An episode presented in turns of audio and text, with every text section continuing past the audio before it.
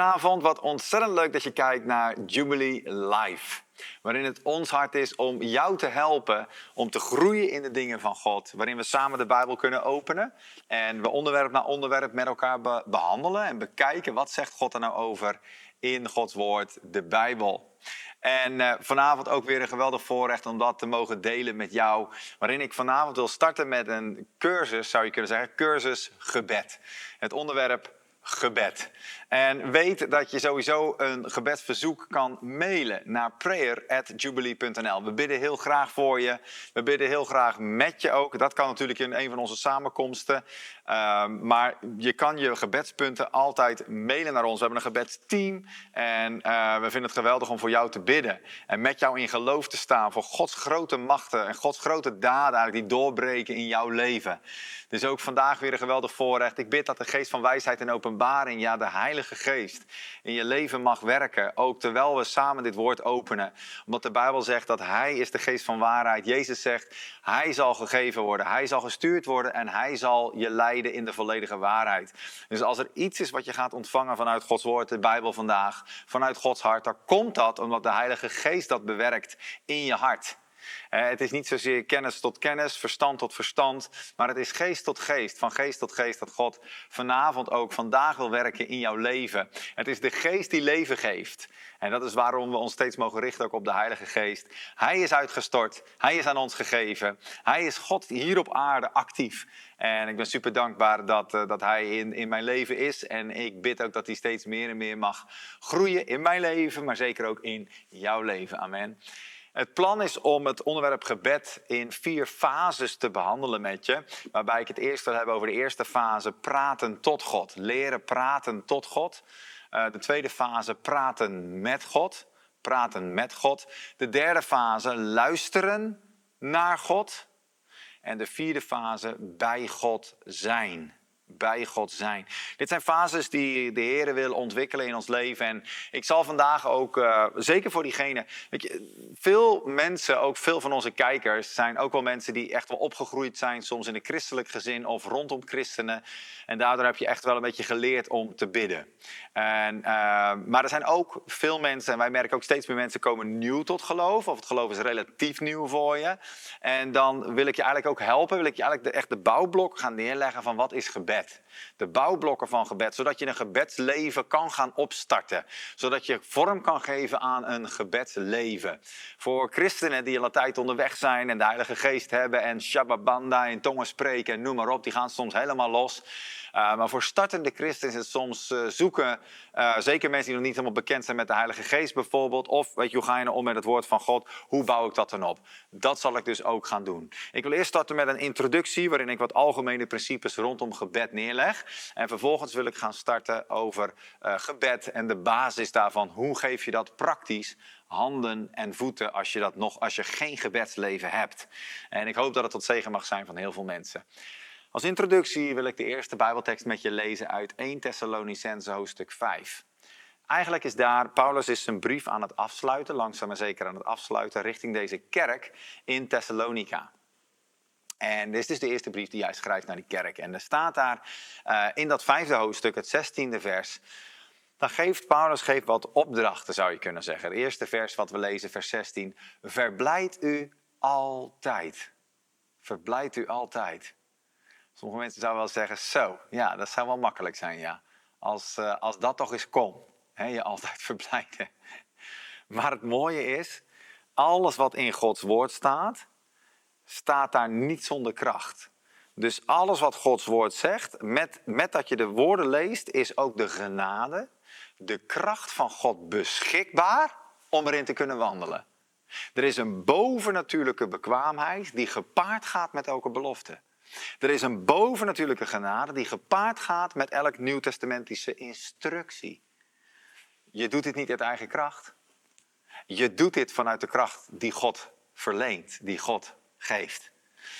Maar hij zegt, hij zegt, joh, als wederom geboren christenen, nu jij kind van God bent, verblijd u altijd. En dat is sowieso, is dat dus, je zou kunnen zeggen, nieuwtestamentisch gebod. Een van de dingen die aan de christen is gegeven, verblijdt u altijd. Ik weet niet welke situaties jij op dit moment doorheen gaat. Of welke dingen jij mee geconfronteerd wordt, zo door je dag heen. Maar laat dit woord tot je doordringen. Verblijd u altijd. En maak het besluit om te zeggen, te midden van omstandigheden, te midden van situaties waar je normaal misschien wel uit je plaats zou gaan. Je zegt, oh nee, ik doe wat het woord van God zegt. Ik verblijd mij altijd. Je zal zien, je krijgt een heel ander perspectief op de situatie. En er is genade van God. Als het moment dat jij je onderwerpt aan Gods woord oké, dan ga ik me altijd verblijden. En zo helpen de Heer mij. Amen. Maar dan zul je merken, dan gaat er een totaal andere dynamiek starten in je leven. Dus Paulus gaat, daar is, daar is zijn instructies aan het doorgeven. Verblijd u altijd. Dan het volgende vers zegt hij, bid zonder ophouden. Net zo goed als dat verblijdt u altijd, dat dat een soort proces is en een soort volwassenheid, een geestelijke volwassenheid waar je in kan groeien, is ook dit vers een geestelijke volwassenheid waar je absoluut in kan groeien. Maar de strekking is heel duidelijk, bid zonder ophouden. Anders gezegd, anders gezegd wees standvastig in je gebed. Heb een gebedsleven. Bid zonder ophouden. Bidden heeft te maken praten met God, communiceren met God, uitwisselen met God. Wauw, persoonlijke relatie hebben met God. Hij zegt, doe dat zonder ophouden. Doe dat voortdurend. Weer zoiets waar we in kunnen groeien, wat we vandaag ook met jou, waar we de basis willen leggen, het eerste gedeelte, praten tot God, wat dat inhoudt. Hoe bouw ik dus dit gebedsleven op? Omdat de Bijbel ook zegt, bid zonder ophouden. Vers 18. Dan staat er, dank God in alles. Want dit is de wil van God in Christus Jezus voor u. Hier zie je dat God verlangt dat wij een dankbaar hart hebben. We hebben niet alle van ons meegekregen in onze opvoeding. Ook door de dingen die we hebben meegemaakt in ons leven of de dingen waar je op dit moment door geconfronteerd wordt. Sommige mensen die gaan door een scheiding heen. Andere mensen gaan door uh, moeilijk vaarwater. Sommigen zijn misschien hun baan verloren. Anderen hebben nog steeds enorm veel pijn of verdriet vanwege een dierbare die ze, die ze zijn verloren. Mensen lopen met dingen rond.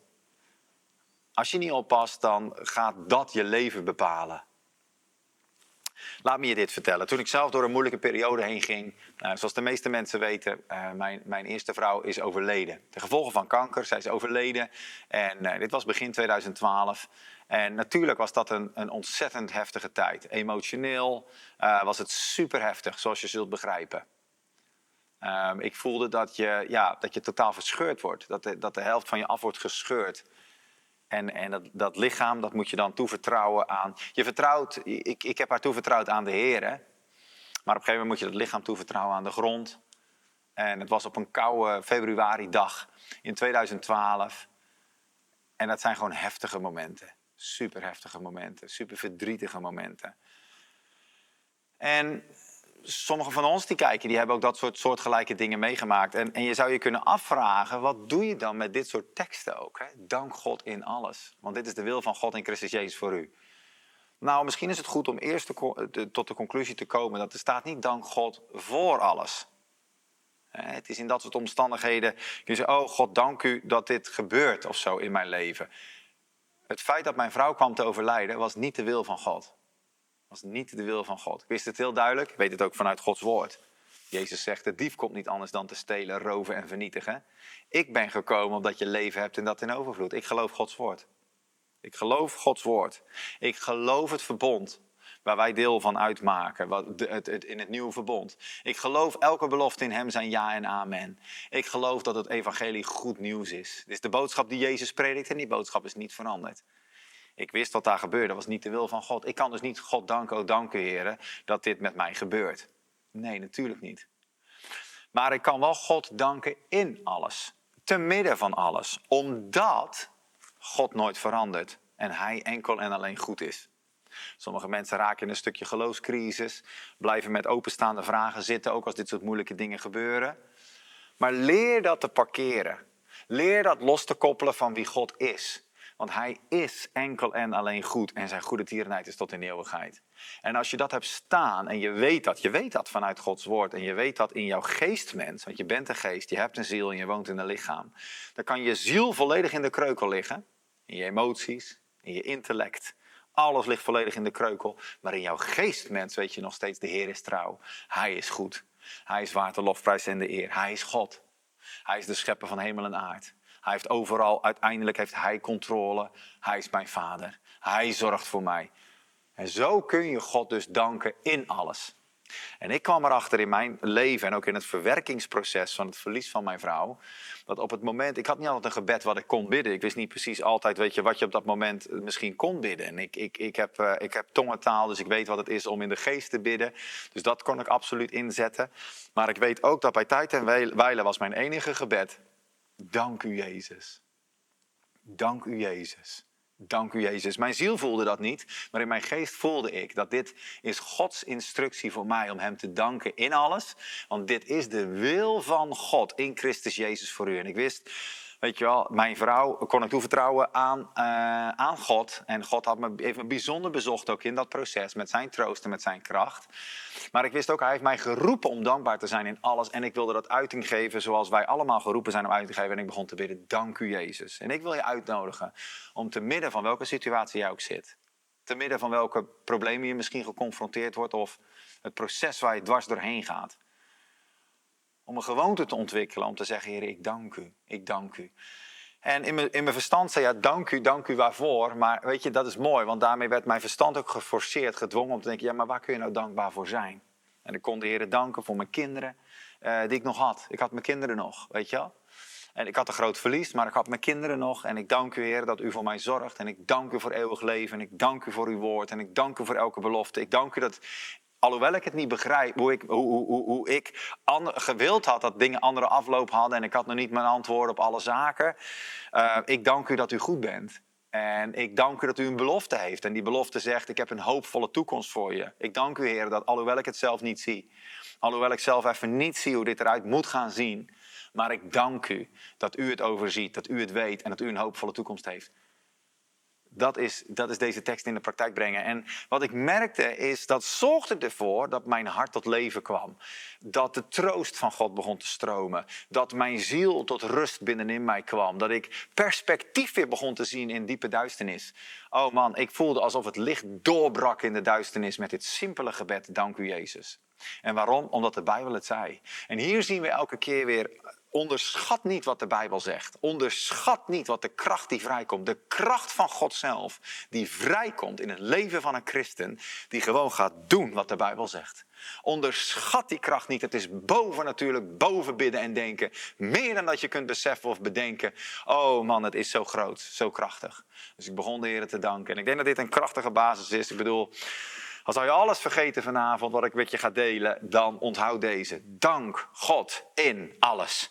Het zal je ziel bekrachtigen. Het zal je botten kracht geven. Het zal je brengen in de positie. De dankbaarheid, de positie van dankbaarheid, brengt je in een positie van hoop en brengt je in een positie van leven. Ja, bekrachtigt je geloof om te zien. God schenkt de weg hieruit. God schenkt de weg hieruit. Ooit komt er een dag en dan kijk ik terug en dan kan ik lachen over wat geweest is. Nu ga ik misschien door dingen heen, maar de uitweg is nabij. God geeft de doorbraak. De overwinning zal zichtbaar zijn. Het herstel herstel van de Heer zal doorbreken. En er komt een dag, dan kijk ik terug op deze dag. En dan weet ik, de Heer is altijd trouw geweest. Halleluja. Prijs de Heer. Ik word daar enthousiast van. Ik voel die kracht in het woord van God. Amen. Vers 19, we gaan verder. Blus de geest niet uit. Blus de geest niet uit. En hier leren we sowieso dus dat we blijkbaar ook de geest kunnen uitblussen. Jij en ik kunnen de machtige Heilige Geest, die wil werken in ons leven, uitblussen. Dat is een ernstig ding. En ik denk dat velen van ons dat helemaal niet bewust doen. Maar daarom is het een des te meer krachtige opdracht die God ons geeft in zijn woord. Blus de geest niet uit. Wij, aan ons is het dus om een fijngevoeligheid te ontwikkelen, dat wij de Heilige Geest niet uitblussen. In het begin van mijn christenleven heb ik dat echt mogen ervaren. Ik merkte op een gegeven moment, ik was altijd opgegroeid in de kerk, maar er was een moment in mijn leven dat ik echt mijn leven, als tiener, ik was 15 jaar oud, mijn leven toewijde aan de Heer. God antwoordde met zijn Heilige Geest. Ik werd vervuld met een grote warmte en een enorme kracht. En de meest heilige emoties kwamen over mij toen de Heilige Geest in mijn leven kwam. Ik heb gehuild als een kind. Uh, als een baby heb ik gehuild, als het ware. Ik heb vervolgens heb ik ongecontroleerd gelachen door de blijdschap van de Heilige Geest op mijn 15 jaar toen. Het was een ontmoeting met de Heilige Geest. Ik werd gevuld van de top van mijn hoofd tot de zool van mijn voeten. Ik voelde me alsof, na, in, in retro-perspectief, voelde ik me alsof ik deel was van Handelingen hoofdstuk 2. De Geest werd uitgestort. Ik was buiten mezelf. Ik was gevuld met kracht, gevuld met het leven van God zelf. Prijs de Heer. Maar ik merkte, als ik op een gegeven moment meer mijn eigen weg ging en ik begon mijn aandacht voor de dingen van God te verliezen, dat ik de geest van God begon uit te blussen. En ik kwam erachter dat die geest van God die ik begon te ervaren binnenin mij, dat ik dat ook kon verliezen, dat het naar de achtergrond kon raken. In mijn geval, ik was 15 jaar oud. Ik leefde, weet je, in, in, als tiener. Waarbij ze zeggen als tiener dat, weet je, daar in het, in, in voor je tienerjaren is, bestaat, zeg maar, wat belangrijk is als kind, is, dan, dan weegt de mening van je ouders weegt 80% mee. En 20% van wat jouw eh, leeftijdsgenootjes, je vriendjes, vriendinnetjes ervan vinden. Maar als je tiener wordt, dan, dan, dan is dat het tegenovergestelde, dan wisselen die aantallen dan is het 80% wat, wat jouw leeftijdsgenoten van jou vinden. Uh, is 80% uh, eh, vind je belangrijk. Uh, ik moet zeggen, weet je, dat weegt voor 80% mee in wat jij ook belangrijk vindt. En dan wordt de mening van je ouders wordt een 20%. Dus daar is een wisseling, een wisseling in het groter worden. In het, en waarom zeg ik dit? Ik was tiener. En dus wat anderen van mij dachten, was ik zeer gevoelig voor en mijn vrienden. En ik wilde graag door mijn vrienden geliefd worden en leuk gevonden worden. En weet je wel, en ik wilde meedoen met de stoere dingen. En ik wilde meedoen met, uh, met misschien wel de bepaalde woorden en woorden, scheldwoorden uitspreken of bepaalde opmerkingen maken. Mee. En ik wist, het is niet goed, het hoort eigenlijk niet meer bij me. God is in mijn leven gekomen. En ik merkte in één keer als ik dan op de fiets zat weer naar huis, alsof ik de geest had geblust. Niet dat ik het per se wilde, ik blus de geest. Nee, maar doordat ik dingen had gedaan die niet in lijn waren met zijn wil, met zijn liefde met zijn moraal, merkte ik dat ik de geest begon te blussen. En ik voelde dat die kracht, die bron van kracht binnenin mij begon af te nemen. Ik heb toen mogen leren dat elke keer als ik weer terugkom en ik, neem, en ik neem verantwoordelijkheid over mijn misstappen daarin. Ik neem verantwoordelijkheid over de zonde die ik bega, misstappen. En ik zeg, oh heren, dit is, oh, ik, heb hier, dit, ik knok hiermee, maar ik kies voor de weg van leven. Ik kies voor de weg van gerechtigheid. Ik kies voor de weg van heiligheid. Ik wil dit niet. Ik wil niet, heer, ik wil meer, ik, ik vind het belangrijker wat u van mij denkt dan wat al mijn vrienden van me denken. Dat soort besluit, diepe besluiten maken zorgde ervoor dat ik de geest brandend binnen in me hield. We begrijpen allemaal, de geest van God is zo krachtig, die kun je niet uitblussen. Het is niet dat iemand de geest van God op aarde kan uitblussen. Maar je kan hem uitblussen voor wat betreft zijn werk in jouw leven. En als er één ding is wat je niet wil, is dat het werk van de Heilige Geest in jouw leven geblust wordt. Want dan sta je er nog, alleen, dan sta je er nog maar alleen voor. Dan sta je er alleen voor, in je eigen kracht. En die is zeer beperkt. Nee, wat wij nodig hebben is dat de Heilige Geest in ons leven is. En dat Hij ons draagt, dat Hij ons bekrachtigt. Dat je voelt en ervaart. Het is Zijn kracht waaruit ik mag leven. Het is Zijn genade waarin ik mag, waaruit ik mag ademen, mag bewegen. Het is Zijn inspiratie waaruit ik mag putten. Oh, het is Zijn liefde waarin ik mij mag laven. Zijn genade. Weet je, dat, dat is de kracht van een christen afhankelijkheid van de Heilige Geest. En een fijngevoeligheid ontwikkelen naar die relatie die je hebt met God. Op een bepaald punt natuurlijk als de Heilige Geest wordt uitgestort. Op Jezus bijvoorbeeld zie je, hij komt in de vorm van een duif. En in dat opzicht zou je, ook, zou je dat als voorbeeld kunnen nemen. Weet je, hij is, ach, toen hij kwam in Handelingen 2, kwam hij als een gigantische, machtige windvlaag en een brandend vuur. Maar tegelijk in zijn karakter is er een gevoeligheid, als van een duif. Weet je, ga met hem om met groot respect. Ga met de Heilige Geest om met diepe ontzag en met grote voorzichtigheid. Opdat, hij niet, opdat je hem niet verschrikt en wegjaagt. Omdat hij zegt, oh maar hier kan ik mij niet mee vereenzelvigen. Volgende vers. Vers 20. Veracht de profetieën niet. Zeer belangrijk. Sommige mensen zeggen, ja, profetieën, wat zijn dat dan? Oh, lieve broer, lieve zus, als je dat nog niet hebt ontdekt, er is nog een goudmijn voor jou te ontdekken. Die God geeft door zijn hele Bijbel heen.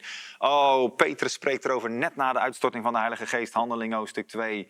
Oh man, hoe dit van tevoren geprofiteerd was door de profeet Joël. Hoe uw dochters, uw zoons en uw dochters zullen profeteren. Oh, dit is zo'n zo'n enorm krachtig resultaat. 1 Korinthe hoofdstuk 12 en 1 Korinthe hoofdstuk 14 spreekt daar zo krachtig over. Over de plaats van profetie in de gemeente. Hoe belangrijk is profetie? Efeze hoofdstuk 4 vers 11 spreekt over de vijfvoudige bediening en noemt daar ook apostelen profeten. Herders, leraren uh, en evangelisten. Ehm, ik zeg een beetje andere volgorde, maar in ieder geval ook de, je begrijpt dus dat die uh, uh, profeten is een onderdeel van de vijfvoudige bediening die God geeft aan de nieuwtestamentische gemeente. Wat is het belangrijk dat we die ruimte geven, dat we die plaats geven, dat we dat leren kennen, dat we de gave van profetie ruimte geven volgens 1 Korinthe hoofdstuk 12. Wat is het belangrijk dat wij als gelovigen ons uitstrekken naar het uitstappen in profeteren, omdat de Bijbel zegt, um, weet je, ik zal mijn geest uitstorten op alle vlees en uw zonen en uw dochters zullen profeteren. Elke, is een prachtig, een vriend van me, Matt Helland, heeft een prachtig boekje geschreven hierover. Over profiteren. Verschillende boeken heeft hij geschreven. Matthew Helland. Je kan hem vinden als je googelt. Um, um, als je in de diensten bent en het is totaal nieuw voor je, zou ik je heel graag het boekje willen geven. We hebben destijds uitge, uitgedeeld aan de hele gemeente. Omdat het je echt helpt om uit te stappen en te begrip te krijgen van profetie. Wat is dat dan? Vers 20, veracht de profetieën niet.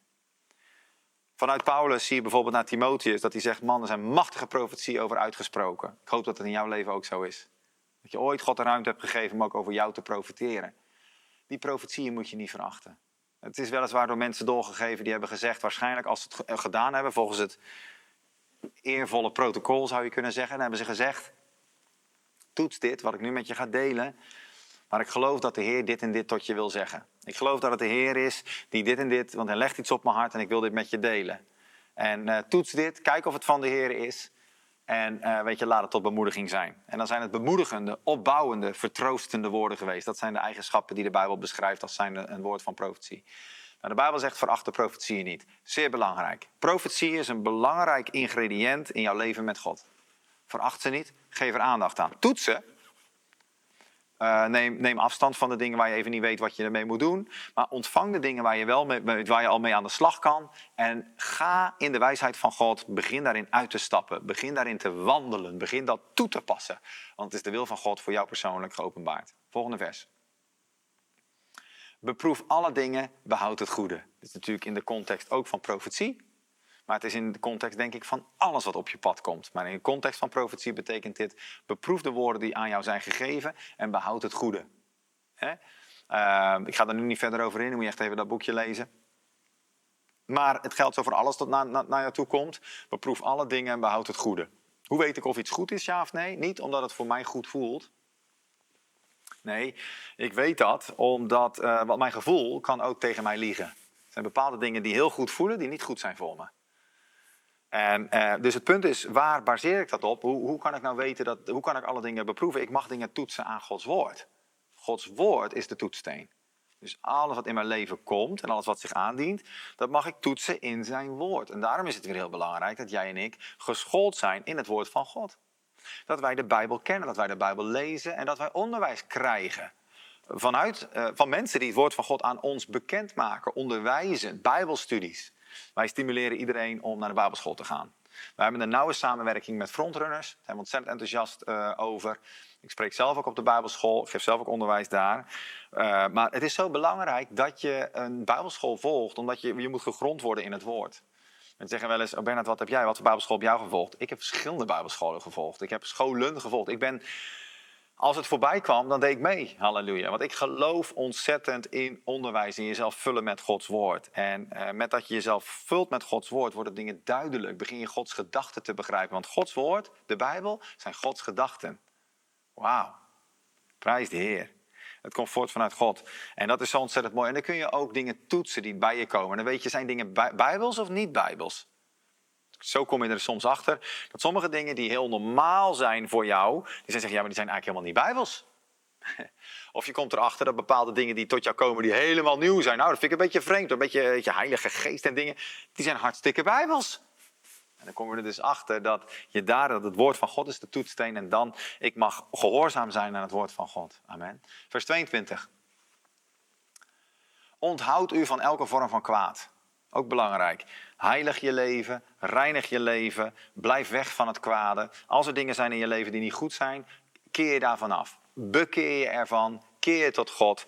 Weet je, neem er verantwoordelijkheid over, beleid het voor God en je zal genade van God ook ontvangen om, je, om, om voor goed te breken met patronen die zijn vanuit het kwaad. Of dat nou is een verslaving van het een of ander, wat niet, wat niet zuiver is, wat jou kapot maakt en jouw leven kapot maakt, niet te veel van God. Of dat dat is kwaad spreken over, over anderen, negatief spreken over anderen, is ook zo'n zo'n ding wat, wat we soms snel toelaten. We laten ons negatief uit over anderen, we oordelen over anderen, we veroordelen anderen, we zijn de wijzende vinger. We willen de balk uit, we willen de splinter uit iemands oog halen, terwijl er een balk is in onze eigen oog. Lees het maar eens in Matthäus hoofdstuk 7, de eerste verse waar Jezus daar meer over spreekt. Dat het fijne van een, een, een livestream of een, als je hem later luistert, je kan hem even pauze zetten en even dat stukje lezen. Amen.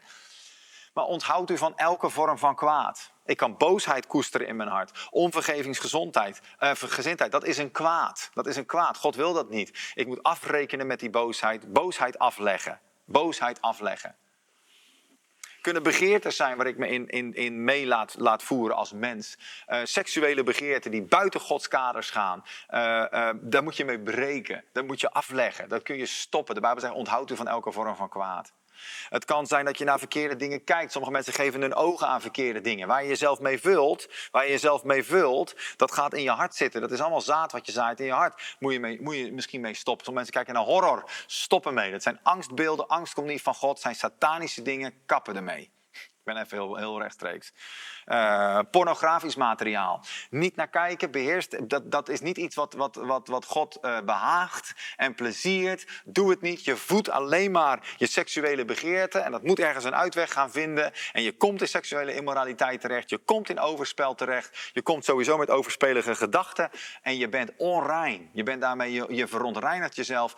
Doe dat niet. Neem de verantwoordelijkheid over. Bekeer je ervan keer je ervan af. Ook elke keer als je weer, als dat een proces is voor je, je, je valt elke keer weer terug. Dan zou het geweldig zijn om ook mensen in de gemeente waar je zit, die je kunt vertrouwen, een beetje met je mee te laten. We hebben, uh, we hebben een prayer team die geweldig, die, die geweldig helpt om mensen ook vrij te maken. We hebben mensen die thuis zijn in bevrijding. Soms vraagt het ook bevrijding van bepaalde zaken waardoor mensen vastzitten aan verslavingen, seksverslaving, pornografische verslaving, noem maar even iets. Maar dit zijn allemaal dingen in de ogen van de Heer is dat kwaad. Waarom? Hij heeft bedacht, seks is een van de mooiste dingen die hij de mens heeft gegeven. En dat hoort thuis binnen het huwelijk tussen een man en een vrouw een man en een vrouw, die heeft hij gekozen om samen te komen in een geweldige goddelijke, heilige eenheid. En daarbinnen vindt intimiteit plaats, wat we noemen seks, wat we noemen seksuele gemeenschap of, of, of intieme gemeenschap, geslachtsgemeenschap. En dat is waar het thuis hoort. En dat is waar het heilige rein is. Maar zo komen we niet altijd tot God. En we leven niet in een wereld die ons dit moraal leert. De wereld is totaal verknipt. De wereld is totaal het moraal verloren. Er is niet meer zoiets als, weet je, datgene wat, wat, wat eh, recht is of krom. Nee, iedereen mag het zelf weten, om het zo maar te zeggen. En dat is niet bijbels. Dat is niet hoe God, de schepper van hemel en aarde, daarover denkt. Dus de vrucht daarvan zal ook ellende zijn. En heel veel mensen zitten vandaag de dag in de ellende, omdat ze een moraal volgen die niet in lijn is met het woord van God. En dan kun je zeggen, ja, nou ja, ja, ja, wat heb ik met dat woord van God te maken? Sommige mensen denken zo, nou het punt is, of je het nou gelooft, ja of nee. Het is het originele ontwerp, zoals God van tevoren alles bedacht heeft. Het is de enige weg die strekt tot leven, of je het nou gelooft of niet. En daardoor zul je zelf de vrucht daarvan plukken en zul je de oogst, je leven in de oogst van ellende op het moment dat je niet wandelt in lijn met hoe God het van tevoren had bedacht. Oké, voordat ik helemaal hierop los ga en verder ga, vers 23. En mogen de God van de vrede zelf u geheel en al heiligen. Hier zie je daar waar het eerst staat van, weet je, houd u ver van het kwade, hou je af van het kwade, onthoud u van elke vorm van kwaad. Zie je dat de volgende vers, mogen de God van de vrede zelf u geheel en al heiligen. Het is God zelf die dit werk doet. Het willen en het werken in jou bewerkt. Hij helpt je. Hij is het die het verlangen ook in je hart legt. En mogen de God van de vrede zelf u geheel en al heiligen, apart zetten voor God. Anders dan de wereld. Anders dan de duivel. Anders dan de duisternis. Anders dan het kwaad. Nee, kinderen van het licht. Kinderen in zuiverheid. Kinderen in heiligheid. Kinderen van God. Amen. En mogen u geheel oprechte geest, de ziel en het lichaam. Dit is waar ik net over had. De Bijbel is heel duidelijk. Je bent een geest, je hebt een ziel en je woont in een lichaam. Alle drie hebben ze een andere functie. Als je dat onderwijs nog nooit hebt gehad, oh man, dan gaan schatten uit de hemel zullen voor je open gaan als je daar inzicht over krijgt. Maar oprecht, want jouw geest is wederom geboren, jouw ziel niet en je lichaam ook niet. En dat is dus, je lichaam wordt later, krijg je een verheerlijk lichaam en is eigenlijk jouw aardpak. Uh, jouw ziel is jouw denken, jouw emoties en jouw wil en jouw intellect. En, en, en de Bijbel zegt, vernieuw dat. Dan moet je zelf mee aan de slag. En jouw geest is wederom geboren. De DNA, de natuur van God zelf woont binnenin jou in die wederom geboren geest. Het is een bovennatuurlijk werk wat de Heilige Geest doet in jouw hart. Op het moment dat het evangelie bij jou komt en jij gelooft in de Heer Jezus Christus. Je gelooft het met je hart, je beleidt het met je mond. God schenkt je een nieuw geboren geest. Je, krijgt een, je wordt een nieuwe schepping, een nieuw begin. Je laat je dopen, dat is de eerstvolgende stap. Bekeer je en dat is één. En vervolgens laat je dopen, dat is de tweede stap. Kan niet in een andere volgorde. Kan niet in een andere volgorde. Kan niet. Je kan je onmogelijk laten dopen als je nog niet tot levend geloof zelf bent gekomen, nog niet zelf bent bekeerd. Dat is onmogelijk. Staat nergens in de Bijbel. Kan niet. Bestaat niet. Dus dat is een belangrijke om te, om, te, om te ontdekken. Uw oprechte geest, ziel en lichaam onberispelijk bewaard worden bij de komst van onze Heer Jezus Christus. Halleluja. De ding als ik zeg kan niet, dat heeft dus te maken met, uh, met de schrift. Amen. Niet omdat ik zeg het kan niet of het kan wel. Het heeft gewoon te maken, staat, weet je, je kan het niet vinden in de Bijbel. Als je het zelf gaat onderzoeken, kom je er ook achter. Dat bedoel ik meer te zeggen. Daarom ben ik zo uitgesproken. Vers 24. Hij die u roept is getrouw. Hij zal het ook doen. Hij die u roept is getrouw. Hij zal het ook doen. Anders gezegd, je staat er niet alleen voor. Hij is erbij. Hij zal je geheel en al heiligen. Als jij je hier. Het punt is, het begint bij jou. Het is een opdracht voor jou en voor mij. Verblijft u altijd, bid zonder op te houden, dank God in alles, blus de geest niet uit, veracht de profetieën niet, beproef alle dingen. Het is allemaal een opdracht voor jou en voor mij. De verantwoordelijkheid ligt bij ons, maar je doet het nooit alleen. Jij kiest om in de weg van de wil te wandelen, maar als je dat doet, mag je weten dat het de Heer is die het grote werk in jou vervolgens doet. En Hij die jou roept is getrouw, lezen we hier. Hij zal het ook doen. Hij is het die het willen en het werken in jou bewerkt. Is dat niet geweldig? Maar het vraagt van jou en mij wel dat wij verantwoordelijkheid nemen en kiezen om de weg van de Heer te bewandelen. Amen. Dan wil ik nog een paar teksten. Ik wilde beginnen met praten tot God, maar die ga ik, vandaag ga ik dat niet. Uh, ga ik, dat niet uh, ik ga alleen komen tot mijn introductie. Maakt niet uit. Later gaan we dit. Dit wordt een serie en we gaan helemaal met dit. Gaan we dit met elkaar. Gaan we dit uitbouwen. We zien een bijzonder voorval in Lucas hoofdstuk 11. Lucas hoofdstuk 11. Matthäus, Marcus, Lucas. Het evangelie volgens Lucas. En als je dan leest Lucas hoofdstuk 11, dan vers 1, dan staat het volgende. En het gebeurde toen hij ergens aan het bidden was. Jezus, het gaat over Jezus hier. Hij was ergens aan het bidden. Dat een van zijn discipelen tegen hem zei, toen hij ophield, ophield met bidden, Heere, leer ons bidden. Zoals ook Johannes zijn discipelen geleerd heeft. Heere, leer ons bidden. En hier zien we dus, het mooie is eigenlijk, we zijn ondertussen zijn al tien hoofdstukken ver in, in Lucas. Ze hebben wonderen, tekenen gezien. Ze hebben de glorie van God geopenbaard gezien. Ze hebben gezien hoe het evangelie gepredikt werd. Massa's genezen werden. Uh, man, allerlei grote wonderen en tekenen die hiervoor zijn gebeurd. Uh, uh, grote, ze zijn uitgezonden. Ze hebben al wonderen en tekenen gedaan. Alles en nog wat hebben ze gedaan. En ze zien er is iets in Jezus, in zijn leven, wat wij gewoon moeten leren. Er is iets, er is een sleutel voor deze geweldige glorie en majesteit in het leven van Jezus. En wat is die sleutel? Zijn gebedsleven.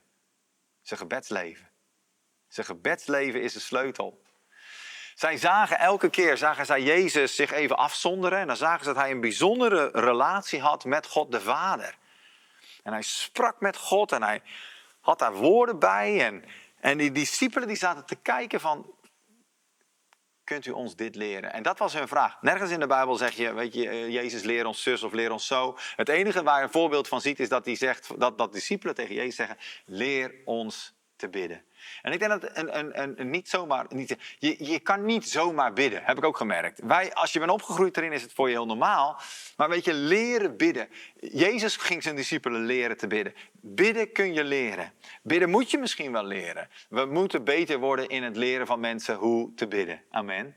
En dat was precies de, de, de vraag die de discipelen ook aan Jezus stelden. En ik denk ook dat het jouw en mijn uh, verlangen mag zijn om te zeggen: Ik wil een gebedsleven hebben en ik wil daarin excelleren, ik wil daarin groeien en ik wil leren te bidden. Zoals Jezus met zijn vader bad. Oh, de discipelen keken ernaar, verwonderden zich, zagen de glorieuze, uh, uh, het, het glorieuze resultaat en de impact van dit bijzondere gebedsleven wat hij had. Jezus, leer ons bidden.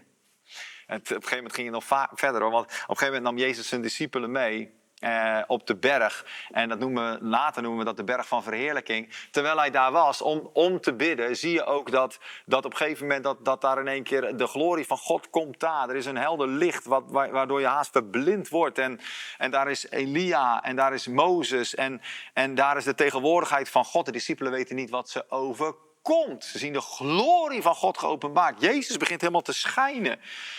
En weet je, wat is dit? Wat is dit? Dit is de kracht van een gebedsleven.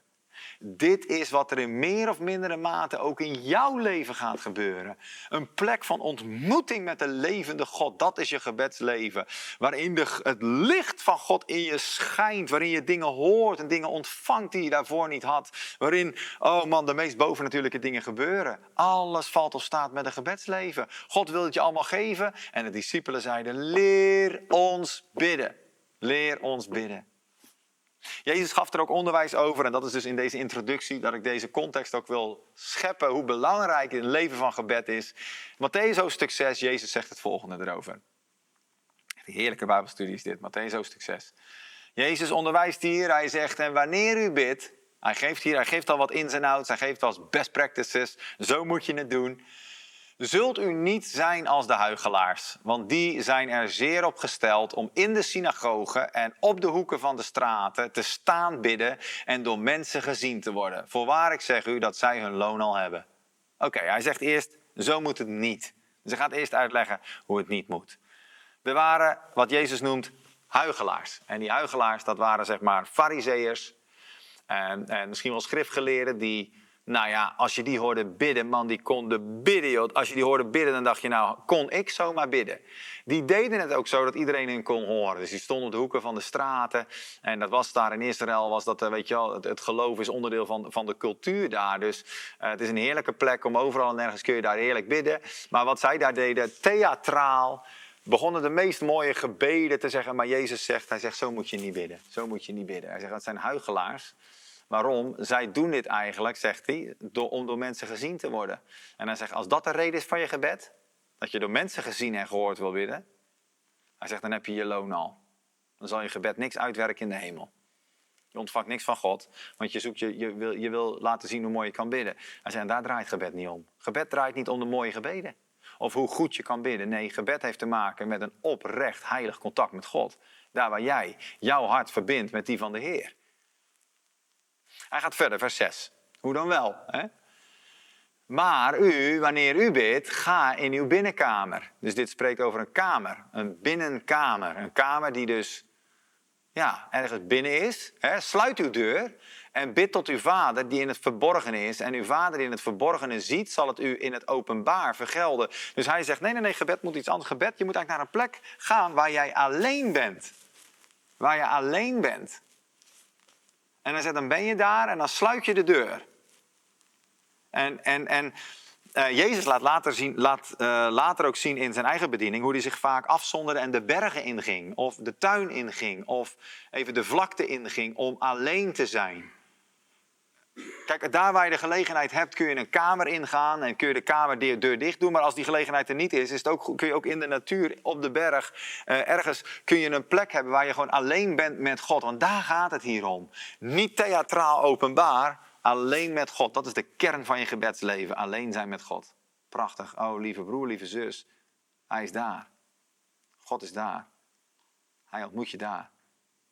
God ontmoet je daar. En hij, zegt hij, die in het verborgene is.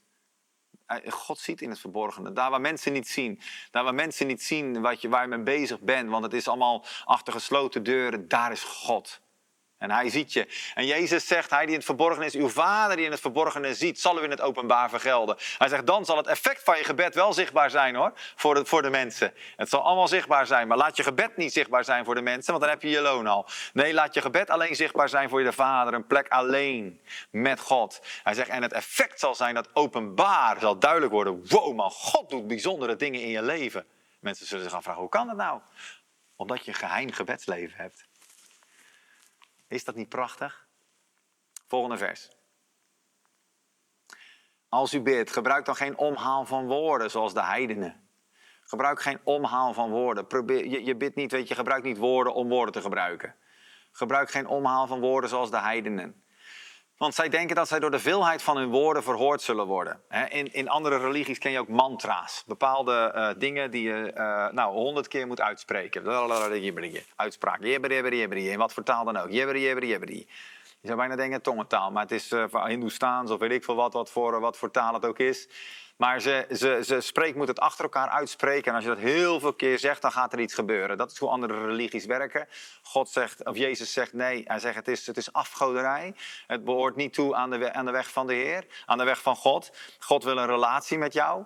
God wil geen, geen prevelementjes. Geen, geen dingen die je, die, je, die, je, die je honderd keer moet zeggen. En dat is een soort magische formule. Gebed is geen magische formule.